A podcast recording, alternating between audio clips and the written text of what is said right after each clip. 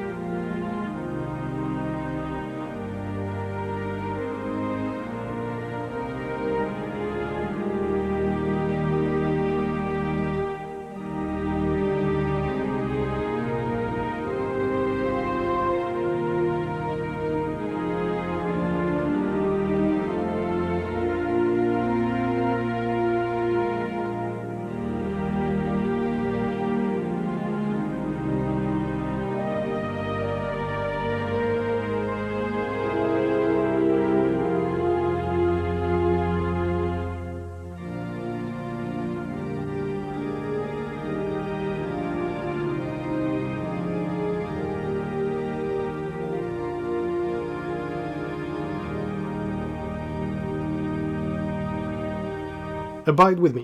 Det var länge signaturmelodi till denna podd. Och jag var lite besviken kommer jag ihåg för jag hittade någon bra version på Youtube. Det är den som ni hörde nu som jag körde. Men det gav ändå den där ståpälsen jag mindes. Från barndomen. Och det var liksom tillräckligt för att jag skulle gå igång och börja prata om engelsk fotboll och minnena skulle komma tillbaka. Det var som en smekning, eller snarare som en rysning. En välmående rysning. En förväntan om en magi som uppstår en gång om året. Fast varje år. Så länge den verkligt organiserade fotbollen har funnits med andra ord. Ett eko från svunnen tid som är lika starkt och levande som ljudet i de gamla fotbollsladorna. Ofta snillrikt komponerade av den gamla arkitekten Archibald Leach. För ljudet av den engelska fotbollen, den fanns genom tvn, på läktarplats. Ett evigt sus som ibland kunde förvandlas till sång och som ibland kunde bli ett tryck utan dess like som hördes ända in i vardagsrummet. Så som en spegel av spelet på plan. För det är ingen slump att spelet var fort och det var aggressivt. För fansen reagerade, publiken reagerade därefter. Det var engelsk fotboll för mig. Det var engelsk fotboll när jag växte upp och min definition av engelsk fotboll som den var, men knappast som den kommer att förbli. Den gamla engelska arenan är snart ett minne blott, åtminstone bland de rika klubbarna i Premier League. Archibald Leach vackra arkitektur får skådas på de få arenor som finns kvar och där eh, hans eh, verk finns kvar. Såsom Craven Cottage till exempel. Det finns givetvis, han har varit med och byggt Goodison Park, Anfield Road, Celtic Park, Fratton Park, Hampton Park, Ibrox, Hillsborough, Villa Park, Old Trafford, Molineux och Stamford Bridge och flera arenor. Nu har jag bara nämnt några. Men flera av dem har renoverats och förändrats över tid och kommer dessutom att försvinna, många av dem, under kommande år. Huvudläktaren på Craven Cottage, alltså Fulhams hemmaarena, och Tyne Castle Stadium i Edinburgh samt fasaden på Rangers i Skottland, huvudläktare Ibrox lever kvar och är än idag fina exempel på Leach-arkitektur. Någon form av industriarkitektur 1800-talet till 1900-tal. Trinity Road Stand på Villa Park ansågs vara hans mästerverk men den revs år 2000. Och tyvärr har FA-cupen inte alls samma lyster som den en gång hade. På samma sätt som de här gamla arenorna. Eller lysten har de inte. Men det är inte kvar. Det finns andra saker nu. Inte som den har haft FA-cupen sedan Wanderers tog hem den första pokalen på Kennington Oval i en final mot Royal Engineers 1872. Idag klagas det mest. FA-cupen tar tid ifrån det viktiga ligaspelet där alla pengar finns och möjligheten att ta sig till Champions League. Hellre fyra i ligan än att lyfta fa Cup-pokalen. Det är dagens logik. Och en förståelig logik kan jag tycka. Det är också kanske en logik som vi kommer att anamma och sen ha nostalgi över. Eller så kommer det att bli. Men det är samtidigt lite sorgligt för en nostalgiker som jag som växte upp med det här suset på de här arenorna. Med ljudet, med skriken, med vrålen, med sången. Och där FA-cupen var kronan på verket, den stora festen varje år. För det var ju länge alla fotbollsspelares dröm. För det var inte bara för mig. Åtminstone på de brittiska öarna så var det varje fotbollsspelares dröm att få gå upp de där stegen på Wembley för trapporna och lyfta pokalen. Visst, en ligaseger har nog alltid varit mer värd. Men FA-cupen var den största scenen. Glamouren.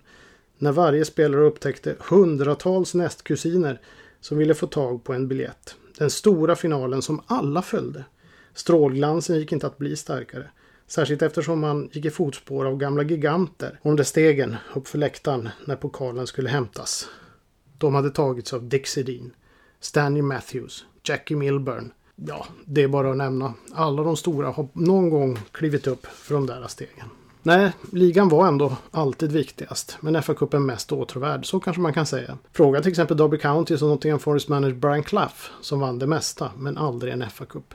Jag tror att han kanske skulle kunna bytt ut en av Europacupsegrarna mot just en FA-cuptitel. Jag heter Per Malmqvist och ni lyssnar på Old School Football Podcast.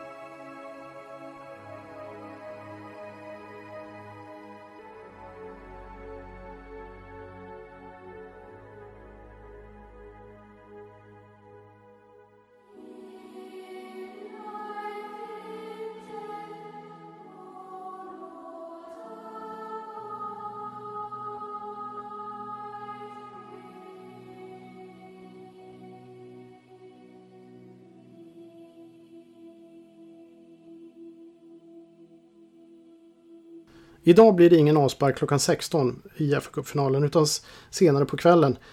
Men den spelas i vart fall på en lördag för er som lyssnar på podden idag lördag. Och det är ju alltid något.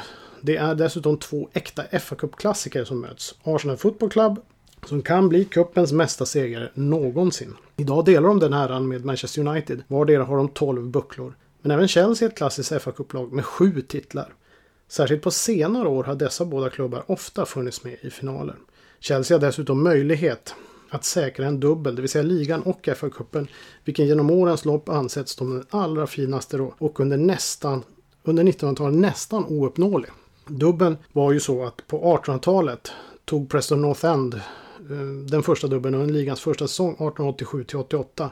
Aston Villa gjorde om bedriften 1896 97. Därefter dröjde det ända till 1960-61 då Bill Nicholsons mäktiga Spurs tog hem båda pokalerna ligan och FA-cupen. Arsenal lyckas med samma bedrift 1970-71 faktiskt. Det andra laget på under 1900-talet. Flera klubbar var ofta nära, men det var svårt att sätta den där pricken över it. Mot slutet av århundradet lyckades fler klubbar, det är sant. Och med bedriften och numera har Arsenal faktiskt hela tre dubblar. 1970-71, 1997-98 och 2001 till 02.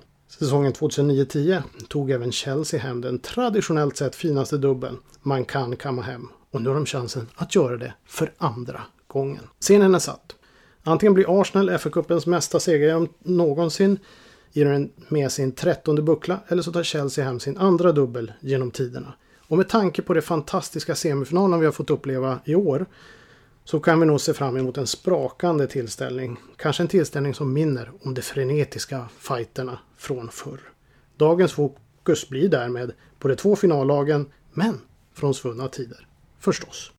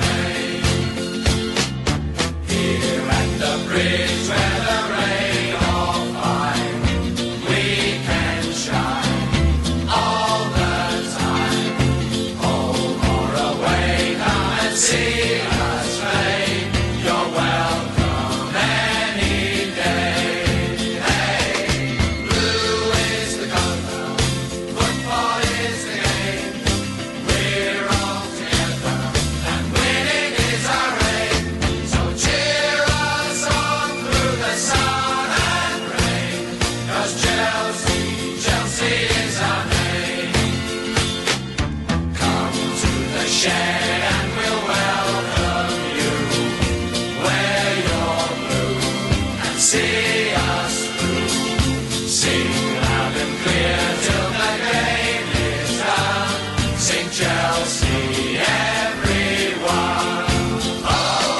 Både Arsenal och Chelsea är klubbar med imponerande välfyllda pokalskåp. Men det skulle dröja ett tag innan de började fyllas på. Chelsea tog visserligen sig till final 1915 i FA-cupen, men sedan blev det inte så mycket mer och förutom ligatiteln 54-55 så var det mest damm i pokalskåpet. För Arsenals del skulle framgångarna vänta till en vice manager vid namn Herbert Chapman tog över rodret efter att ha varit extremt framgångsrik med Huddersfield i början på 20-talet. Men 1925 anlände han till Arsenal och startade ett lagbygge som är ett av de mest framgångsrika i Englands fotbollshistoria. Redan 25-26 blev det en andra plats i ligan och 26-27 stod man på Wembley, där finalerna hade spelats från 1923 och framåt. Tyvärr skulle finalen gå till historien då Arsenal som första och mig veterligt enda engelska klubb förlorade FA-cupen till Wales och Cardiff City som vann finalen med 1-0 efter att Arsenals målvakt Dan Lewis fumlat in bollen. Lewis som för övrigt var från just Wales. Och där kan man ju ha lite konspirationsteorier om man vill. Det var också den allra första fa Cup-finalen som sändes av BBC Radio och kommentatorerna var Derek McCullough och en viss George Allison. Det var även första gången Abide With Me spelades på Wembley och inför en fa Cup-final. Men finalförlusten var ett tillfälligt bakslag och den 29-30 tog man hem bucklan för första gången i vad som under 30-talet skulle bli ett pokalregn med ligatitlar och ytterligare en FA-cup 1935-36. Vid det laget hade tyvärr Herbert Chapman gått bort och laget leddes av den tidigare kommentatorn George Allison. Efter kriget hade Tom Whittaker tagit över men det togs ändå en FA-cup och eh, det var kaptenen Joe Mercer som fick lyfta pokalen efter Reg Lewis två mål i finalen mot Liverpool Football Club. I den finalen spelade även cricketspelaren Dennis Compton och om det inte varit för en svår skada hade hans fotbollskarriär blommat lika mycket som cricketkarriären. Men han hann med en ligatitel och en fa Cup-titel, vilket ju är mer än de flesta. Gjorde dessutom matcher för England under kriget men ingen riktig landskamp före eller efter. Och det blev ännu en final 1951-52 och den här finalen som jag pratade om var ju då 1949-50 tror jag. Men eh, sedan gick Arsenal in i en mindre framgångsrik period i klubbens historia. Chelsea däremot, de blev ligasegrare 1954-55 men det blev en one time wonder. Managern Ted Drake som faktiskt har varit med i Arsenals framgångsrika 30-talslag, hans bygge höll inte måttet. Inte över tid i alla fall. Man hade i vart fall fått klubben att fokusera mot att utveckla egna spelare istället för att köpa dyrt och kanske inte alltid lika bra. Efter en sejour på en säsong i andra divisionen var Chelsea åter uppe i högsta serien 1963 med ett lag som drällde av begåvningar. Managern Tommy Dochertys lag döptes till Dockertys Diamonds. Säsonger i ligatoppen skulle följa och 64-65 fick man lyfta sin blott andra stora pokal genom tiderna i och med segern i ligacupen 64-65. Visserligen en klen tröst Dockertys Diamond störtade fram på tre fronter det året och nog hade hoppats på även en liga och FA-cuptitel. Faktum var att klubben skulle åka ut i FA-cupens semifinal två år på raken. Men 1967 var man äntligen framme i sin första final sedan 1915. Tyvärr en förlust mot då mäktiga Tottenham Hotspur. Tommy Docherty lämnade i oktober 67 över till Dave Sexton och han lämnade över ett lag med fantastiska förmågor som Peter Osgood, Charlie Cook, Ron Harris, Peter Bonetti och John Hollins. Det något mer gråaktiga, om man får säga så, 16 skulle ta Chelsea till FA-cupfinalen 1970 mot Leeds, vilket sannolikt var klubbens största stund genom tiderna. Fram till de riktigt stora framgångarna, det vill säga på 90 och 2000-talet. Men mer om den finalen, som är en av de stora klassikerna i Old School Football Short Stories, som jag också kommer att publicera här.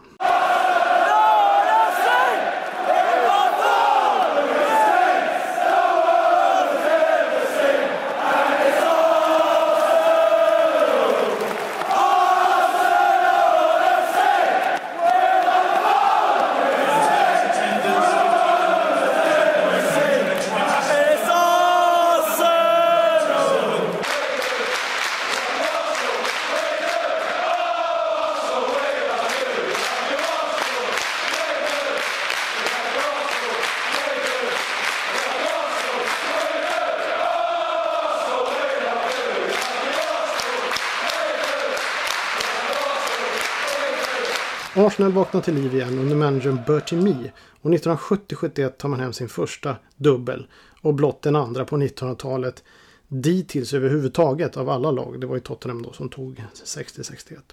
Det var kanske lite överraskande men det var ett starkt och svårslaget lag med en magisk säsong bakom sig. Unge Ray Kennedy avgjorde ligan, vilket ni också kan lyssna på i ett Old School Football Short Stories avsnitt. Och klubbens kanske mest profilstarka spelare Charlie George avgjorde fa kuppfinalen En final som jag också snackar mer i ett Short Stories avsnitt som kommer att publiceras här. Allt för fa Cup-uppladdning. Men det lossnade inte riktigt för The Gunners förrän tre magiska FA-cupfinaler i slutet på 70-talet. Först en förlust mot Ipswich 77-78 sedan en magisk vinst mot Manchester United 78-79 i vad som nog är en av de mest dramatiska finalerna någonsin. En final vars dirigent var en irländare vid namn Liam Brady. Arsenal tog ledningen med 2-0 i den matchen och Liam Brady var delaktig i båda målen. När allt bara skulle spelas av forcerade då United men hade svårt att ta sig igenom. Och när det var fyra minuter kvar stod det fortfarande 2-0. När det var en minut kvar, då stod det 2 2. publik, spelare, ja hela Wembley var i chock kan man säga. Och nu är det oavsett sida, man hann inte reagera. Med en minut kvar att spela så väntar alla på förlängning och då flyter Brady fram på det där karaktäristiska viset. Han lägger ut bollen på vänsterkanten till Graham Ricks som med sitt inlägg finner Alan Sunderland som bara har att raka in bollen i öppen målbur.